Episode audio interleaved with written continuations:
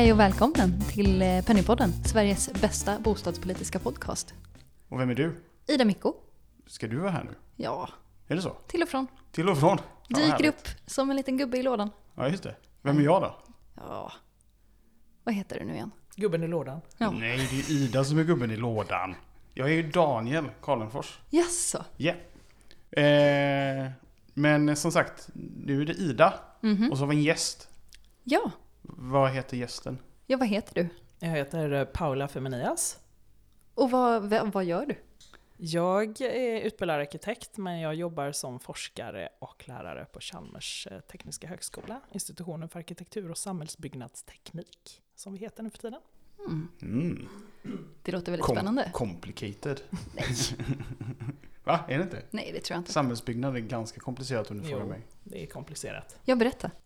Det är för mig, så som jag ser det så är det ju, eh, ja nu, nu heter vi ju samhällsbyggnadsteknik. Jag tror Ja, att de vill, de vill liksom poängtera att det är den tekniska sidan som eh, ingenjörerna jobbar med. För att samhällsbyggnad är ju så mycket bredare och då skulle vi behöva mer liksom samhällsvetenskap än vad vi har på Chalmers.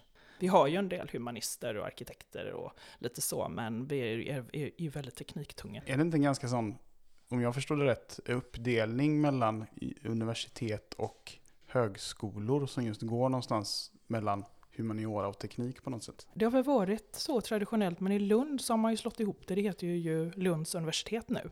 Och då är väl eh, Tekniska högskolan någon sorts skola i det. Mm. Och jag vet inte om det finns någon sån tanke på att slå ihop i Göteborg också. För vi, det skulle väl bara vara lyckat om vi kunde samarbeta mer, tycker jag. Kan inte det? Jo, det tycker jag. Men ja, ja. jag menar, det, det, ofta beror det ju på, antingen så beror det liksom på individer som Ja. skapar kontakt och gör saker. Eh, Men sen så ibland så kan det ju underlätta om det finns någon sorts, eh, på en övre nivå, någon sorts eh, samsyn om att det är så, åt det hållet vi ska gå. Fast nu var det inte din institution du kom hit för att prata om. Nej, nej. Varför kom du hit? Jag håller på med en studie med framtiden och tre och de, av deras eh, större bostadsbolag, bostadsbolaget Familjebostäder och Poseidon. Och eh, vi tittar på, ja, vad ska man säga, en, en viktig fråga vi tittar på är varför man flyttar eller varför man väljer att stanna kvar vid en renovering. Så det, ja, det handlar om eh, renoveringsprocesser och att det krävs någon sorts samsyn kring hur vi ska hantera det. Hur kommer man på att man ska göra en sån studie? Ja, jag har jobbat med renoveringsfrågor ganska länge. Och som jag ser det så finns det för lite systematisk uppföljning av de projekten som görs. Liksom man gör en eh, renovering men vet inte riktigt vad det får för utfall, vare sig vad det gäller energi eh, eller hur det påverkar de boende. Och eh, eh, jag tycker att det, det, är liksom, det här är liksom ett led i den kunskapsutbyggnaden, hur vi ska eh, hantera renoveringsprocesser. Varför behöver vi veta någonting om det? Eftersom, ja dels så påpekas ju att vi har, eh, vi, vi har ett byggnadsbestånd som just nu står inför stora investeringar. Vi behöver renovera. Eh, Det finns ju krav från EU att vi ska energieffektivisera. Det finns krav från EU att vi ska renovera i en allt hög, högre takt. Sen så är det ju så att renovering är ju inte någonting man bara gör vid ett tillfälle. Det det är liksom en ständig process. Liksom. Det kommer hela tiden tillbaka. Det, det var stora renoveringsprojekt på 70-80-talen och då kanske man trodde att man hade renoverat klart. Men det har, har man ju inte. Nu kommer det igen och det kommer att komma igen. Mm. Eh, Är det någon speciell cykel man kan se? Alltså hur ofta kommer, man pratar väldigt ofta om 50 år. Det beror på vilka delar av huset. Mm. Jag menar fönster, om man tittar, det är väl eh, 20 års avskrivningstid på det. Och fasader, är det träfasader kanske man måste byta dem, eh, jag vet inte, var 30 40 år. Tegelfasader håller kanske längre. Jag menar det är olika på olika delar av huset. Stammar kanske är 50 år. Just det. Det är nog därifrån de 50 sköta. kommer. För det var också det som är den stora grejen just nu. Mm. Att hela miljonprogrammet ska stamren- stamrenoveras mer eller mindre. Mm. Ja, det som inte redan är gjort då, för det, Ja. har väl, det är väl en del som redan är gjort. Men jag så. tror man pratar om att det är ändå 400 000 bostäder kvar. Ja, det kanske det är. Jag tror att det är ju det att man har, eh, det finns liksom ingen samlad eh, dokumentation på detta. Utan det man utgår ifrån är ju mycket ekonomiska data och det är inte alltid det överensstämmer med verkligheten. För Mm. ibland är saker gjorda utan att det har liksom blivit registrerat och tvärtom. Liksom. Så att, eh, och det handlar ju, som jag ser det, så handlar det inte bara om miljonprogrammet. Vi har ju mycket bostäder efter krigstiden, det här 50-tal, som behöver åtgärdas. Och vi har ju en hel del förkrigsbebyggelse också. Alla landshövdinghusen i Majerna och det är liksom eh, olika typer av bestånd som behöver eh, hanteras. Och snart är vi 80-talshusen måste också det är en ny problematik. Liksom det är, alla typer av hus har liksom sin När du, problematik. när du säger så så inser man hur gammal man är. Eller hur Ida? Mm. Var du född på 80-talet? Nej. Nej. Ja, Nej. snart kommer 90-talshusen också. Titta, Det är ungefär 10 års skillnad tror jag mellan 80 och 90. det är vad man brukar säga. Yes. Den här studien då Mm. är, har ju fokuserat på anledningar till att människor väljer att flytta Mm. eller stanna kvar i husen som renoveras. Mm. Mm. Men just anledningarna, vad är det som är intressant med att studera anledningen till flytten? Eller kvarvarandet för den delen. Ja, ehm, en bakgrund är ju, för, för min del då så är det det här att jag ju jobbar ju med renoveringsfrågor så jag är ju väldigt intresserad av vad som händer och jag tycker det är väldigt roligt att höra, eller det är ju väldigt spännande att höra de boendes eh, perspektiv på det hela. Men eh, sen finns det ju också den här debatten, jag menar, jag har ju liksom följt Pennygången och, och den debatten och det har ju haft liknande processer i Uppsala. Det här med att folk ska tvingas bort vid renovering, att vi, om vi liksom ska renovera hela vårt bestånd och höja hyrorna så, så blir det liksom ett samhällsproblem. Och det finns ju en del studier som har pekat på detta. Boverket gjorde en studie för några år sedan eh, där de visar hur de, de kan göra en koppling mellan omfattande renovering och eh, att låginkomsttagare måste flytta på sig. Så där har, vi, där har vi en stark korrelation. Och du, de har visat på det i de Ja. fallen då, som de har tittat på då. men korrelation är inte orsak. För att komma in lite på det här hur vetenskap funkar. Eh, nej, det är ett samband då, ett Precis. statistiskt samband mellan omfattande renovering och eh, låginkomsttagare. Och då hade de definierat det här låginkomsttagare efter någon europeisk eh, modell som var någon sorts medelsnittvärde. men, men du är ändå då lite mer inne på att faktiskt hitta orsaken. Alltså Ja. orsak-verkan-sambandet. Som inte Ja. är samma sak som korrelation. Nej, jag, jag är, är ju inte det. Det som vi gör nu, det är ju mycket en kvalitativ studie. För liksom de här eh, statistiska studierna, de är ju mer kvantitativa. De kan ju visa på liksom samband och de kommer också visa på storleksordning på ett problem. Eh, Det som vi gör när vi går ut och frågar folk, det är ju att ta reda på varför. För att om Boverkets studie kunde visa på att eh, de kunde se ett samband. Sen var det sambandet lite svagare i de storstäderna, utan det var tydligen större på andra orter. Det framgår ju inte vilka projekt de har tittat på i den studien. Men det säger ingenting om varför man flyttar. Och de kunde heller inte se omflyttningar inom ett område, om det är så att folk har flyttat från ett hus till ett hus som ligger nära oss. Vad du menar med det är att de kunde inte följa upp och se vart människorna tog vägen? Eh, inte över områdesgränser, för att det finns ju viss, eh, vad ska man säga, vissa begränsningar med data, statistiska data. Jag är ju ingen expert på det, men- expert på det. Men jag har förstått att det är liksom, eh, då, man kan liksom inte se per hus, utan man ser per område vad som, vad som händer. Det, det finns ju liksom viss integritet i de här data, så man kommer inte alltid åt ner på individnivå. Liksom. Så att i våran studie så vill vi ju, en primär fråga är ju varför, om en hyresgäst säger upp sin lägenhet i samband med en renovering, när en fastighet ska renoveras, från det att de får reda på att den ska renoveras, under hela renoveringsprocessen och två år efteråt, så är tanken att vi ska eh, bemöta dem med eh, frågan om de vill ställa upp på en intervju och berätta varför de har flyttat. Det är en väldigt öppen frågeställning, så vi eh, eh har liksom, ja, det, det är liksom vår fråga. Vi har hört att du ska säga upp din lägenhet. Har du, berättat? Har du lust att berätta varför då? Så vi eh, söker upp de här personerna som har sagt upp sin lägenhet. Sen är det ju inte alla som vi når hittills, eller i alla fall i den här pilotstudien, det är ju en pågående studie. Så i pilotstudien så eh, har vi, det har vi baserat på 34 stycken intervjuer och då hade vi från början 69 adresser. Och det var en del som vi inte fick tag på då. När man gör den typen av eh, kvalitativ forskning, så det nu, Mm. Då blir det ju väldigt ofta ett underlag som är mycket, mycket mindre. Hur påverkar det, så att säga, eh, hitta rätt ord. Men, men lite sådär, hur Mm. påverkar det trovärdigheten? Hur mycket kan Mm. vi tro på det som kommer fram med den typen av undersökningar? Ja, det beror ju lite på vad man, om man vill bevisa någonting eller om man bara vill liksom lyfta upp en problematik. Dessutom i våran studie så kommer vi ändå få förhoppningsvis ganska mycket intervjuer. Vi är uppe nu i 62 eller någonting sånt där. Och håller vi på i två år till så kommer vi väl upp i ja, 150, lite mer så. Eh, så vi kommer ju ändå få ganska många. Och vi kommer att titta på ganska många renoveringsprojekt. Men eh, det är klart att eh, det kanske inte är tillräckligt mycket för att göra några statistiska studier, om man säger så. Men att man eh, får ju en annan typ av kunskap om eh, de här människornas eh, situation och hur de tänker. Vad är det man, man flyttar till? Vad är det man flyttar ifrån? Vad är det för någonting som är viktigt i boendet? Och vad är det man, hur, hur upplever man renoveringen och så? Det kan man liksom inte få fram på ett annat sätt. Eller man får ju liksom ett väldigt rikt material då, när man jobbar så kvalitativt. IBF i Uppsala har ju jobbat eh, lite kvalitativt också med renoveringar och så. Är det någonting du har tittat på, den forskningen? Jag har eh, läst några artiklar, har jag läst i, från den eh, gruppen. Mm.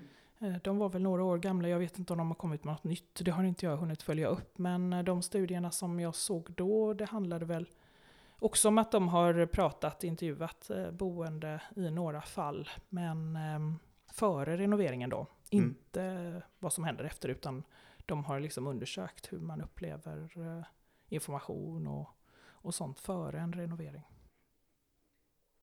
Men vi pratar ändå om att ni har intervjuat de som har valt att flytta. Mm. Hur många är det som väljer att stanna? Hur ser den fördelningen ut där? Ja, nu har ju inte jag de siffrorna då. Det, det beror på att man måste ju titta på per projekt då. Mm. Eh, vi håller på att ta fram de data för de, pro- de projekten som vi följer för att se hur många det är som, eh, som flyttar, eh, flyttar eller flyttar runt. Jag menar, det, för det är lite olika saker. Eh, dels beror det på vilken typ av renovering det är. Eh, en stor faktor som påverkar detta är om man ska evakueras eller inte. Ska man inte evakueras så är nog, eh, vad jag har förstått, omflyttningen är ju inte så stor då.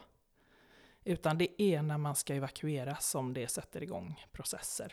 Det kan man ju Ska tänka jag sig ändå själv. flytta på mig så kan jag ändå flytta. Ja, precis. Mm. Och eh, då är det liksom... Eh, ja, hittills så har vi liksom... Vi gjorde ju, ja, i vår studie, som pilotstudien då, så hade vi de, har vi de här eh, personerna som har flyttat ifrån, som vi har, har intervjuat. Men vi har också skickat enkäter till två stycken färdigställda renoveringsprojekt, eller faser av renoveringsprojekt. Och då är det ett av dem där det har varit evakuering. Och då var det från början ungefär 80 stycken som hade fasta hyreskontrakt. En del lägenheter är ju avställda i de här projekten som ska renoveras för att de är så vattenskadade och så vidare. Så att de, alla lägenheterna var liksom inte bebodda från början. Bara för att förtydliga, vad, Ja. vad, är, vad betyder det att den är avställd? Att den inte används, inte är i bruk? Nej, eller? den är inte i bruk då och då har jag förstått att de är oftast inte i bruk då för att de har klassats som eh, hälsovådliga. Att det är liksom vattenläckor och vad det nu kan vara. Det är liksom dålig, man, man kan inte hyra ut lägenheten. Så det är de avställda. Men de lägenheter som, det, här är ju någonting som också händer i de här Mm. projekten, är att man har ju eh, så kallade rivningskontrakt. Ja, De, det, de lägenheterna räknas inte som avställda. nej, jag de tror andra- att de får man inte lov att hyra ut, de här som är avställda. Mm. Nej, precis. Så det är en skillnad där. Jag tror att det är en skillnad, ja. Utan sen så är det väl de som är beboeliga då, medan någon hyresgäst som tycker att nej men nu ska det renoveras här, nu flyttade jag och så får någon eh, ett korttidskontrakt då. Som det egentligen heter ja, korttidskontrakt. Ja, precis. Rivningskontrakt i folkmun. Just det. Så är det. Ja, det var väl rivningskontrakt på 60-70-talet kanske, när man rev. Nej, men då om det var en 80 personer i det här fallet då som hade fasta kontrakt så tror jag att det var nästan, ja, nästan hälften som valde att flytta till en lägenhet i ett om, i, att de blev liksom erbjudna en annan lägenhet av fastighetsägaren i området. För att inte flytta tillbaka till, evakuer- eller till att bli liksom evakuerad två gånger då, eller flytta två gånger. Mm. Och ungefär hälften valde att flytta in i den fasen som redan var färdigrenoverad. Mm. Sen var det nog, jag tror det var, var sju av de här 80 som faktiskt flyttade tillbaka till samma hus. Och samma lägenhet. Ja, inte Ja. ens säker på om det var samma lägenhet. samma Men hus, samma ja. hus Ja. i alla fall. De kanske valde en större eller mindre lägenhet eller någon på något annat Flytta sig plan. upp och ner Ja, precis. trapphusen. Ja. Så att eh, i det fallet eh, så var det ju liksom, det är ju väldigt få då som flyttar tillbaka om man säger så. Om man nu tänker sig att det var bara sju då, av nu var 79 eller något från början. Och resten Ja, det har liksom eh, valt mindre att, än 10 procent då. Ja, Mm. men det är när det är evakuering och det kan... Eh, mm. Är det inte evakuering så är det ju inte på samma sätt. Då får man ju bo kvar i sin lägenhet. Det är ju bara de som har särskilda behov som brukar bli evakuerade om man jobbar natt eller om man är äldre eller om det är någonting annat. För att bli lite spekulativ i det där då, i, motsats till eh, real science så att säga. Mm, mm. Ehm, kan man dra någon slutsats utav, utav det där? Att just ändå få den effekten vad det verkar att ja, men när man bor kvar, då bor Mm, man också kvar. Mm. Evakueras man mm. så flyttar man på sig. Mm. Alltså, Ja. Skulle det till exempel kunna säga någonting om hur vi bör renovera? Om du förstår vad jag, hur jag tänker. Bör vi Eh, evakuera eller bör vi inte evakuera? Ja, jag tror att det där är en kostnadsfråga också. Vissa bolag eller fastighetsägare väljer att evakuera. Jag har förstått att det är väldigt dyrt. Så att det är många som verkligen vill undvika detta. Eller har det kort. Man kanske har eh, några sådana här eh, baracker som ställs upp på gården och så. Eh, men eh, sådana här eh, stora fastighetsägare som har stora bestånd och kanske Speciellt om det är liksom att man har stora hus med mycket lägenheter där man ska renovera. Då får man liksom, då ställer man av ett hus och så kan man ha det som evakuering samtidigt som man renoverar ett annat. Så det beror liksom lite på vad man har för, för möjligheter, kan jag tänka mig, eh, som fastighetsägare. Det som är lite intressant då, som man kan liksom fundera på, det är ju det här att eh, det verkar ju som att när man gör en sån här evakuering så liksom sätter det igång lite processer. Att folk liksom väljer då att flytta någon annanstans om man nu fixar det på egen hand eller om man genom sin fastighetsägare kan få ett annat eh, kontrakt då. Mm. För Mm. Du pratade med några av dem som Mm. just resonerade på så Mm. sätt att Mm. de ja, men, kan lika gärna göra det nu då om, Mm. om jag ändå ska behöva flytta härifrån. Kan du inte berätta om Mm. några av dem, utav dem du pratade med? Jo. Eh, det, det var vad vi tyckte var intressant här. För när vi, från början så hade vi liksom en idé. Ja, vi ska ta fram den huvudsakliga orsaken till folk har flyttat. Men det som vi upptäckte ganska snabbt är att det var inte så enkelt. Det är liksom väldigt mycket orsaker och det är väl inte så konstigt egentligen. Liksom. Det är väl eh, de flesta hyresgäster, jag menar eh, normalt sett så bor man kanske sju år på i samma lägenhet. Så att det, är liksom, det är ju liksom ett flöde av folk. Vanligtvis, det finns ju liksom en vanlig omflyttning om man säger så. Så i den här studien har vi naturligtvis fångat också en del av den vanliga omflyttningen. Att man eh, separerar eller man köper en lägenhet eller eh, ja, man får jobb på en annan ort. Liksom. Det är väl ganska självklart att det bara är en orsak. Liksom. Men, eh, men sen så är det ju det här när renoveringen dyker upp och det kanske är den här evakueringen och då så tänker man att ja, men jag har ju ändå gått och tänkt och jag menar, många säger så här, hade det inte renoverats så hade jag nog bott kvar. Mm. Men nu ska det renoveras och jag ska evakueras. Det kanske blir en hyreshöjning. Det kanske jag inte har lust att betala för. Eh, samtidigt har min, eh, mitt barn flyttat hemifrån och eh, lägenheten blir lite för stor. Jag egentligen trivs jag inte i det här området, det är det flera som säger. Jag vill flytta till ett annat område för där har jag familj. Och så, så det är liksom ofta... Det är lite spännande här för det är många som vi träffar, de nästan... Ja, de sitter och resonerar för jag tror att de har, när vi träffar dem så har de egentligen inte, de har inte tänkt så mycket på det här. Och så börjar de tänka, ja men så är det så. Ibland några nästan pratar emot sig själva. Liksom, ja men det här är ju bra, ja men nu ska jag, får jag liksom, ja nu fick jag liksom en push här och nu ska jag eh, flytta och det kommer att bli mycket bättre. Jag kommer att bo närmare familj eller jag kommer att bo närmare jobbet. Men hade det inte blivit varit en renovering så trivdes jag ändå här, då hade jag bott kvar. Mm. Så det är liksom... Men kan man, kan man sammanfatta det med att folk är ganska bekväma? Och när, det väl, och när det väl börjar bli obekvämt för dem så får de eld i baken och göra någonting. Eh, ja, nej. nej, jag vet inte. Det är lite krasst kanske att säga så. Men Ja. Människor är fan lata. Ja. Nej, men man är väl... Eh, jag tror att... Jag har läst en studie. Eh, nu vet jag inte liksom hur eh, liksom allmängiltig den var, men den sa sådär att de flesta människor är ganska nöjda med sin boendesituation. Mm. Jag tror att man förväntar sig inte så himla mycket. Man är liksom ändå ganska nöjd med hur det är. Liksom oavsett. Alltså, Ja. Man är generellt sett alltid Ja, nöjd med hur man bor. Det var ingen svensk studie i och för sig, Nej. jag ska läsa igenom den lite noggrannare, men det väckte liksom en liten klocka. Men det är lite intressant liksom. För det är klart att man alltid, ja, det är klart man skulle alltid vilja bo, men jag menar man är ju ändå lite, eh, vad ska jag säga, pragmatisk. Jag menar, det är klart att jag skulle vilja bo i en stor villa vid havet, liksom, men jag vet att jag har inte råd med det, så då får man väl ändå vara nöjd med det man har. Liksom. Eh, sen har jag läst en annan studie, vad var det jag tänkte på någonting här nu. Gud, jag bort det. Just det, jo det läste jag också, men det tror jag, jag vet inte, det var, jag har inte läst något paper, jag tror det stod i någon artikel i tidningen det här att man ofta väljer att bo så som man är van att bott när man var liten. Liksom. Mm. Är Man har ju uppvuxen i radhusområde så trivs man i den. Liksom. Är man uppvuxen i hyreslägenhet så kanske man trivs med... Ja, så att det, man är kanske ganska traditionell eller konventionell. Jag, jag har gjort den spaningen, får man kanske kalla det. Ja. Eh, när man just tittar på det du är inne på nu, alltså Ja. hur folk vill bo. ja, Så har vi ungefär 70% som bor i någon typ av ägt boende. Och ungefär 70% av befolkningen vill också bo i ägt boende. Är det så mycket som 70? Okej, Ja. det kanske det är. Ja. Det, Mm. det, det är det Mm. jag minns nu. Ja, Jag, ska, ja. jag, jag, jag Ja. kan ha lite fel om det. Så kan det vara. Men det, det är ju intressant, eh, för eh, om det då är sant, då betyder det att hur vi så att säga Mm. har stocken utav bostäder kommer Mm. också fått i stort genomslag i Mm. vad folk föredrar och hur de föredrar att bo. Mm. Men jag vill ändå knyta tillbaks också till det du pratade om orsaker. Eh, och det finns ju ett känt psykologiskt fenomen, alltså att Mm. man rationaliserar hela tiden. Mm. Mm. Eh, så att man i början utav en fas så kan man ju vara väldigt, väldigt missnöjd med någonting. Mm. Mm. Sen så genomlever man det, Mm. kommer till en ny fas och då rationaliserar man det som var innan. Är det någonting ni, man kan kompensera för eller någonting som ni tar med er när ni gör den här typen av undersökningar? Mm, vi har nog inte riktigt sett det, men vi ställer de frågorna i de här enkäterna eh, för de vi skickar ut till kvarboende.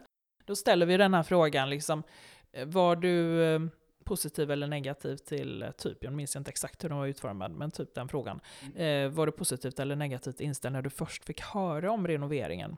Och eh, hur känner du idag? Är det positivt eller negativt nu? Så kan vi förhoppningsvis se liksom, om det har ändrats, om det är så att man var mer negativ för eh, eller mer positiv för det och sen så liksom inte blev så nöjd eller blev nöjdare liksom.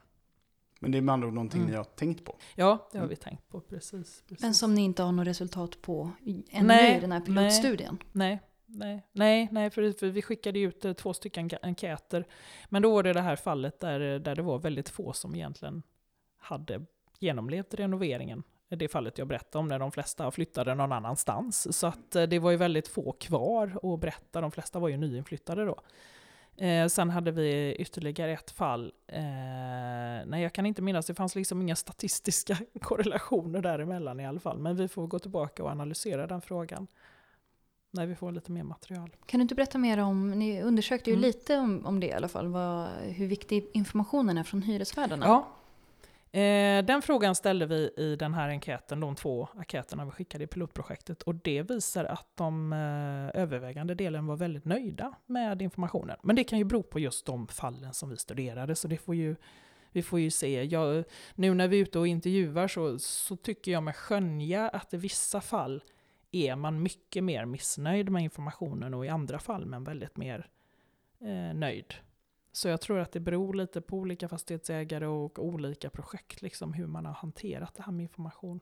Jag har ju på olika sätt arbetat med Mm. bostadsfrågan i princip sedan Mm. 2012. Eh, jag tänkte då haka i det som du pratar om nu. Min upplevelse är lite också att kunskapsnivåerna i allmänhet Mm. vad det gäller bostadspolitik, Mm. renovering, alltså allt Mm. som ingår där, Mm. är väldigt, väldigt låga i allmänhet. Skulle det också då kunna påverka hur man ser på den informationen man får eftersom man egentligen inte vet vilken information man borde få? Det är mycket möjligt. Ja, det är några som vi träffar, de bryr sig inte alls. För det, för det första så är det så att de vi träffar, de ska flytta. De har valt att flytta, så därför är det många, de bryr sig inte. Jag menar, ja det kommer in, de, de bjuder in till möten och det kommer information, men jag läser inte den. Så vi hört, sen är det ju andra som, eh, som har satt sig in i informationen, men eh, Ja, men nu minns jag inte frågan. Nej, men jag, jag tänkte just det att eh, kunskapsnivåerna är, är så relativt låga. Så att man vet inte vilka frågor man behöver ställa till exempel. Eller man, man vet inte Mm. vilken information man har rätt till. Eller vilket Nej. inflytande man, man Nej. bör ha. Och så vidare. Det, så är det är mycket möjligt. Det var en eh, hyresgäst som vi träffade för inte så länge sedan som eh, eh, har kommit till Sverige ganska nyligen. Och det var väldigt intressant. Och eh, jag fick den upplevelsen och jag tror att den personen pratade lite för ett större, liksom, eh, ja, inte bara för sig själv då, utan att man, de, jag tror att de upplevde att eh, man lyssnade inte på dem ändå. Mm. Mm. De hade den liksom inställningen att ja, ja men det är liksom, det, vi kan inte göra någonting eller de lyssnar inte på oss. Så tycker jag är lite skrämmande, måste jag säga. Eh, för det är just i det fallet också så tyckte jag att den lägenheten kanske hade behövt eh, fräschas upp lite. Och eh, då fick den personen till svar att ja men eh, den här lägenheten det är några, något år kvar här så du får stå ut med, eh, med eh, den här tapeten tills det har gått de här antal åren där man får en ny tapet. Men vi har ju träffat, jag mina assistenter som jobbar i projektet har träffat andra som inte är är nyinkomna svenskar och eh, de har ju sagt att ja, men jag tjatade mig till det här. Jag tror att det finns liksom en skillnad att man vet, vissa vet liksom sina rättigheter och vet att man kan tjata sig till saker och andra Mm. de vet inte det. Nej. Vet inte vad de kan, kan förvänta sig och det tycker jag det är lite problematiskt. De borde också, alla borde ha liksom samma möjligheter att kräva. Vem ska, det ska vem inte ska bero ta på. ansvaret för det? Vem ska ta ansvaret för det? Om du nu ska få uttala din sån fråga. Ja, ja, det är inte så himla... Ja, man skulle ju kunna medveten, vet- medvetandegöra de här fastighetsbolagen att man ska ju hantera alla Mm. på samma sätt. Liksom. för, för, för eh, historiskt, om jag, så, så Mm. som jag har förstått det i alla fall, eh, så har vi haft en, en utveckling vad det gäller Mm. just underhåll och annat sånt. Att då fanns det underhållsplaner och då var det lite sådär, ja vi kommer byta dina tapeter var 13 år, vare sig du vill eller inte. Ja, Då kommer vi hem och gör det till dig. Okej. Och, och du som hyresrättsinnehavare behöver liksom inte tänka över det. Nej, nej. Och sen så har det då blivit mer och mer Mm. till att idag så går vi till, ja om Mm. du vill oss någonting så Mm. kan du höra av dig via vår hemsida Mm. som går via ett callcenter Mm. Någonstans och så blir man helt plötsligt väldigt, Mm. väldigt långt bort och, och sen så blir det konsekvensen och nu kanske jag är lite konspiratorisk, Mm. men om jag hade varit fastighetsägare så vill jag Mm. göra så lite underhåll som möjligt Mm. för det sparar mig pengar. Mm. Och då är det väldigt bekvämt att ta dem väldigt långt bort och så kan man lite skita i det. Om vi ska vara så. mm. Är, är, det en sån sak som också kan hända? För, för du är nog ändå lite inne på det att fastighetsägaren i någon mening bör ju ha koll på det här och kanske ska komma och fixa upp ändå, lite mer som det var förr. Jag, jag tycker ehm, i vissa lägenheter så ser det ganska risigt ut. Och jag har, nu minns jag inte, det var någon jag träffade också eh, som jag minns att eh, ja, men du kan få en burk färg här och måla själv. Mm. Det är inte alla som kanske kan ställa sig på en stol och måla själv. Eller man efter renoveringen har fått några spottar som sitter i taket och är man eh, närmare 80 kanske det är inte så himla lätt att byta de där spottarna. Eller det är liksom Ja, jag tycker det är lite intressant där. Jag tycker det, det är också någonting som jag, vi har lagt märke till när vi är ute och pratar med de här boende, att eh, fläkt inte är någonting man kan kräva Det i är, sitt inte, kök. det, det är inte standard. Nej, Nej, jag, det. tycker, jag blir jätteförvånad. Liksom. Va?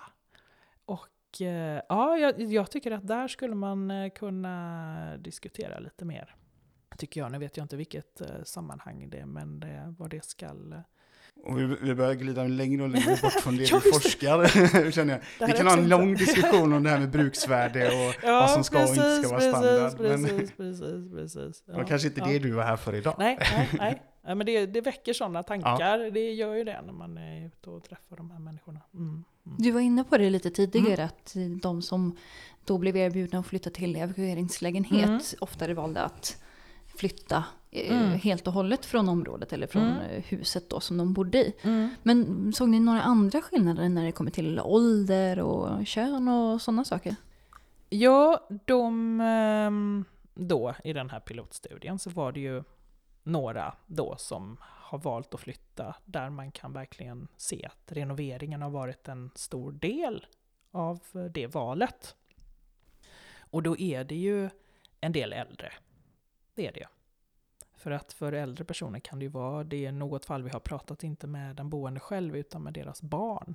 Och de säger att ja, men för min eh, förälder, min pappa eller mamma, så hade det inte funkat det här med evakueringen. Och då har man liksom letat upp en annan lägenhet. Och i många fall så har det också, eller ja, jag tänker på ett fall då till exempel, så eh, behövde föräldern också en tillgänglig lägenhet för den här lägenheten som personen hade då. Det finns ju många lägenheter, man, man menar, man lägger ju inte till hissar idag. Det gjorde man ju när man byggde om Mm. på 80-talet när det fanns eh, bidrag Du, du är skyldig att göra det om du till exempel bygger på en till våning. eh, Så att Ja. det blir mer än tre Ja. våningar. Då ska det finnas hiss också. Precis, precis. Men annars gör man ju inte det, så då kanske... Då i alla fall det här fallet som jag tänker på då, så valde man också att flytta till en eh, tillgänglig lägenhet. Medan så att det är klart att föräldern säkert... Jag, nu vet jag, nu minns jag inte det här fallet hur länge den hade bott där, men man kan tänka sig om man bott länge i en, i en lägenhet eller ett område att man kanske gärna vill stanna kvar, men att det kanske går till en gräns där man inte kan det längre och då måste man flytta. Sen har det ju varit barnfamiljer också vid evakuering då, att man tycker, och något fall där man hade barn, och man såg liksom inte framför sig att man skulle kunna lösa... Ja, det, det var nej, men där var det inte evakuering. Nej, förlåt, nu blandar jag ihop allting. Det var att man skulle bo kvar och ha liksom toaletter på gården. Och då såg man att ja, men, om barnen blir kräksjuka, eller man ska liksom springa ner till toaletten, liksom, det funkar liksom inte. Och den, eh, de, den barnfamiljen valde att flytta också, men de hade också dessutom att de jobbade på andra sidan stan, så hade de hittat en dyrare privat eh, hyreslägenhet, men som liksom de tyckte att på det hela så blev det ändå bättre. Med tanke att de ska köpa någonting senare och sådär. Men eh, nu var frågan, nu tappade jag bort frågan igen. Eh, ja, evakuering, just det. Eh, när evakueringen driver en, eh, en, eh, en, en flytt då. Det var ju också ett fall som vi träffade på en person som jobbar på natten. Som kände att det här var liksom oöverstigligt att tänka sig att det ska bli en evakuering och att... För det är ju någonting också, det är inte bara evakueringen i sig. Eh, det är också det att man vet inte riktigt när den kommer att hända. Så att man vet inte, ja men det kanske är precis när vårt barn har fötts, eller så är det så att jag har planerat en längre utomlandsresa och jag vet inte, kan det vara så att de vill att jag ska tömma lägenheten precis när jag hade tänkt att resa bort? Eller, eh, ja, sådana saker. Det skapar liksom en osäkerhet. Och man, för det är ju så att man får veta att det ska hända någonting, ofta ganska tidigt. Och sen så kanske det inte händer någonting och så händer ingenting. Och så börjar man undra och det är ingen som kan ge några svar och man vet liksom inte hur man ska planera sitt liv. Och det kan ju bli en eh, stress och en oro naturligtvis. Och då är det ju några som vi har träffat som har valt att flytta då. För att man inte kan få ett klart svar. Blir det nu till hösten eller blir det till våren eller så? Ja, för Mm. hur lång tid brukar man få på sig och veta att nu är det dags för dig att packa ihop liksom? Jag har förstått att i några fall det kan ju vara- handla om flera år där man inte vet. Det beror ju på olika saker. Dels så när man informerar från början så kanske man inte har projekterat klart renoveringen. Man vet inte riktigt vad man ska göra. Sen ska man ju handla upp en byggare och det beror ju lite på hur marknaden ser ut. Om man får Mm. tag på någon som gör det för ett schysst pris. Jag tänker mer på den här skedet när det väl kommer till evakueringstime. Ja, men då vet man väl när det ska hända, när man har handlat upp en byggare och sådär. Men Mm. det är liksom den här fasen innan som ju, jag har förstått, den kan ju ibland hålla på i flera år. Jag kan ju utgå från mig själv eh, i det fallet eftersom jag har en renovering som är på väg till mig Mm. där jag bor på Pennygången. Mm. Eh, och vi fick väl reda på förra månaden, det har ju inte med evakueringen och så att göra, Mm. men vi fick i alla fall reda på förra månaden när renoveringen kommer komma till min uppgång. Mm. Och då kommer det vara i februari. Mm. Eh, så det är ja, ett halvår kanske. halvår innan, Något sånt. Eh, kan du nog få reda på det. Mm. Sen finns det nog undantag till, dem, till det. Mm. Eh, det är ju bara ett exempel. Mm. Eh, Jag kan Nej. inte alla fastighetsägare. Nej, precis. Nej, men det kanske är så att det kommer ändå ganska snabbt på. Liksom. Det är några månader man har på sig liksom, Mm. när det väl, men nu ska du eh, flytta ut då. Och sen vet jag inte, i vissa fall så flyttar man ju ganska länge. Det kan vara upp mot nästan ett år. Och ibland så är det lite kortare, då kanske några veckor, Mm. någon, några månader. För jag vet att jag intervjuade en äldre dam Mm. i Kungälv var det, Mm. Mm. inför att de skulle renovera ett område där uppe. Mm. Och då hade hon fått reda på det om det var kanske tre månader innan Mm. Mm. att hon skulle flytta. Mm. Och då hade de väl löst det med köpoäng så att de kunde få nya bostäder så eller liksom välja ett Ja, annat välja område något istället. annan bostad istället. Ja. Ja. Mm. Men det var ändå så ganska kort Ganska inpå. kort inpå, precis. Ja. Det där är också en intressant fråga om vi dyker ner lite i köpoäng. Mm. Eh, och när du får den situationen att Mm. vissa människor som bor i ett område som ska renoveras Mm. så löser man det genom att ge dem väldigt många köpoäng. Och på Jaha. det sättet så hoppar de före i kön. De Den interna kön menar du? Ja, det beror på. Det kan variera. Alltså, Det kan ju Mhm. vara så även på, på, Mm. i kommunal bostadsförmedling och sådär. Mm. Det finns sådana lösningar. Men oftast är det ju såklart inom bolaget. Inom bolaget har Mm, jag förstått. Sen är det ju många som vi träffar, vi frågar ju dem alltid liksom, hur har du hittat en ny bostad? Det är många som löser det själv. Det Mm. finns ju sådana här byta lägenhet-sajter. De flesta håller ju på sina boplatspoäng. Där. Det, Mm. det, det är liksom en guldgruva. De förbrukar man liksom inte förrän man verkligen... För det är ändå, eh, det är ändå just ja. det som blir, det, det, i någon mening eh, Mm. så kan vi säga att det är en rättvisefråga. Mm. Är det rimligt att någon ska få en massa mer köpoäng för att man ska renovera där? Eller? Ja, nej men det är absolut, det är en intressant fråga. Och det tror jag, jag skulle tro att de här bolagen försöker nu vara lite mer restriktiva med det här att eh, hitta en annan lägenhet. Utan tanken är nog att man ska evakueras och flytta tillbaka i första hand. Liksom. Vad, jag, vad jag har förstått, liksom, det har inte varit sådär jätteuttalat, men jag har kunnat läsa in eh, den tanken. Det här projektet som jag nämnde innan, där det var väldigt många då som hade fått en annan lägenhet. Jag tror att eh, när man går in i nästa fas så tänker man sig inte att det ska bli så. Mm. För det finns väl en rättvisefråga i det naturligtvis. Liksom. Man kan absolut eh, Mm. tycka det i alla Mm. fall. Sen så kan man komma fram till att ja, men det kan vara rimligt av någon anledning Mm. att folk får Jo, gå före. utav Om det är tillgänglighet och sådana saker, det kan man ju förstå. Liksom, att, eh, mm. Vi förstår ju här utav att prata med dig Mm. Paula att eh, det finns mycket kvar som ni kommer titta Mm. på i den här Mm. studien. Men så här långt i, i det material ni har tagit Mm. fram, är det någonting som har förvånat dig särskilt? Ja, det är någonting som jag ofta säger att eh, de som vi har träffat nu, det känns ju som att deras flyttar inte har varit speciellt dramatiska. De har liksom löst det här. De, har liksom, de flesta har ju, några har ju fått hjälp då eh, via sin fastighetsägare, men eh, många har ju löst det här själv. Ja, men eh, ja, ja, via de här sajterna och så vidare.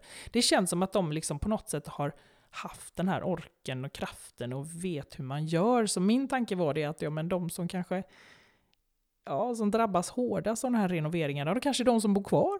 De som inte vet vad man ska göra, som eh, kanske av olika anledningar inte vill flytta. Man vill inte flytta från det här området, utan man får liksom helt enkelt acceptera att ja, men nu är det så här.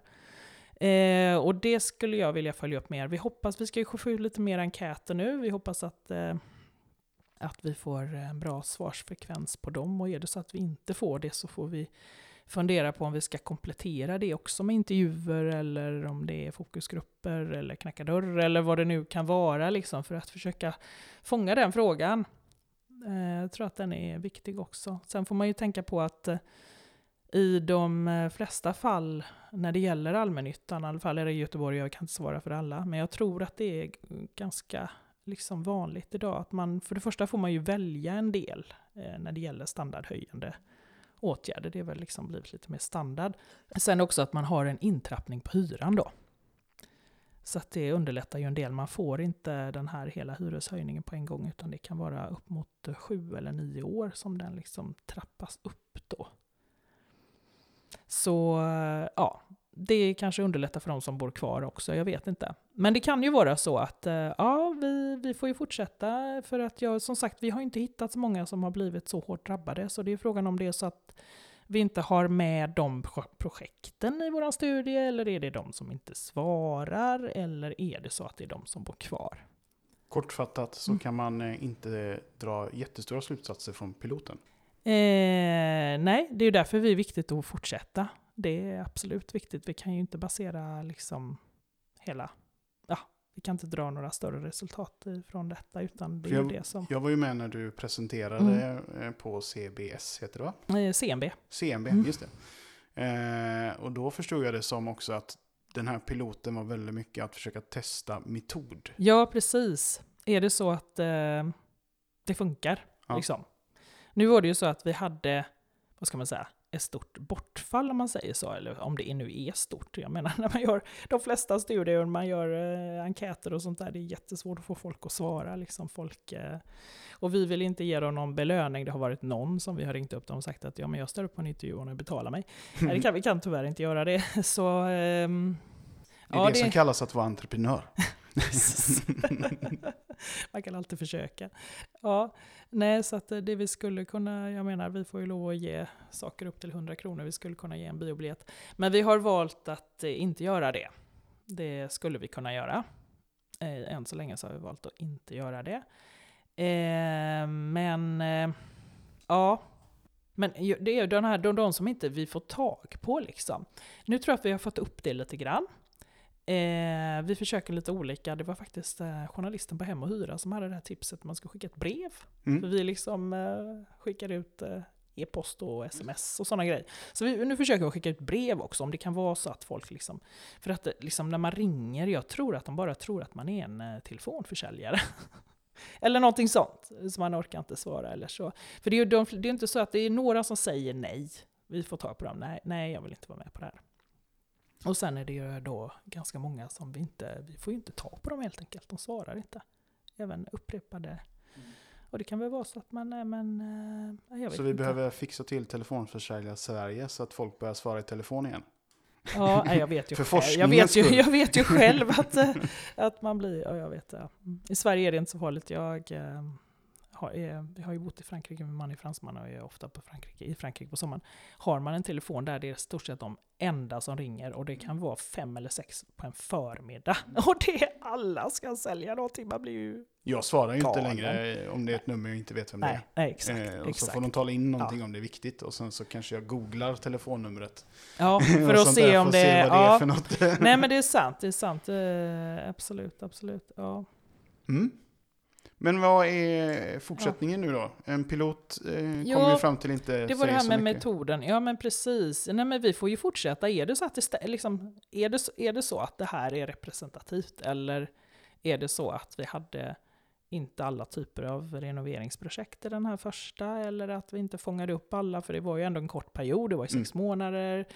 Om man nu fortsätter ett par år fångar vi upp dem. Och så får vi då fortsätta och, liksom och titta på de som bor kvar. Liksom. Är det där som eh, många hamnar i kläm? Ehm, För det var väl någonting det pratades också om, eh, ändå den, det har ju flyttit runt lite kritik Mm. och sånt där också, just att, Mm. att ni nog inte får upp rätt människor liksom. Men, men det har ni börjat fundera på hur ni ska göra. Det låter som det i alla fall, att ni också Ja. är medvetna om det. Nu vet jag inte vad de trodde, om det var, de trodde att det var de, för jag kollade upp det där lite, om det var så att det var de som inte pratar svenska som inte Det svarade. har, det har jag ingen aning om. Eh, så, utan, men det är ju Mm. som du är själv inne på, Mm. det där med att få in svar. Är Ja. det signifikanta svar? Är det rätt människor vi får tag på? När vi pratar med människor Mm. då som sj- själva till exempel inte var med om själva renoveringen, är det, är det de då som flyttar in efter så att säga? Och det är de kvarboende då, det är inte de som flyttar. Mm. Ja, Mm. eh, så det är, lite sådana saker. bara. Ja, men det är ju intressant också, varför flyttar man in där i och för sig? Nu är det ju som det är i Göteborg, man tar väl den lägenheten man får. Eh, men eh, det är också intressant då, liksom, hur ser de på det? För vi, en fråga vi ställer i, i eh, enkäten är ju också, tycker du att standarden på den här lägenheten motsvarar hyran? Mm. Eller om hyran motsvarar standarden. Det är, inte, det, är, inte- det är ju liksom en utmaning också att ställa frågor i sådana här enkäter. Hur Mm. ställer man frågorna så att folk fattar vad jag menar? Oh ja. Det är väldigt svårt, för det har jag förstått när jag har varit ute sådär, liksom sådär man slänger sig som arkitekt med ord som fasad. Liksom man är ju inte säker på att folk vet vad en fasad är om man pratar om energi. Jag tror det och, är utsidan på huset. ja, det, men det, det är inte lätt, så att vi, vi, vi håller på mycket med det där. Och vi skickade ju enkäten nu, vi har liksom förenklat den nu när vi ska skicka ut igen. Förhoppningsvis till, faktiskt till eh, fyra projekt nu under hösten. Ett som jag tycker är väldigt spännande ute i Bergsjön där det var 38% hyreshöjning. Eh, där vill jag ju väldigt gärna skicka ut en enkät. Eh, men som sagt, det är en utmaning och eh, utforma frågorna så att eh, vi är säkra på att de har förstått att vad de svarar på. Skulle man då också då kunna säga att eh, när ni är helt färdiga efter Mm. de här två åren, är det ni ska hålla på till? Va? Tre år. Tre ja, år just det. Tre år Ja. totalt blir Ja, det totalt. då. Ja, precis. Två år till. Ja, precis. Eh, så, så kan det mycket väl vara så att det krävs väldigt mycket mer forskning innan vi egentligen vet något. Eh, ja, vi kan ju svara på, på vissa frågor. Vi kanske Mm. inte kan svara på alla frågor. Mm.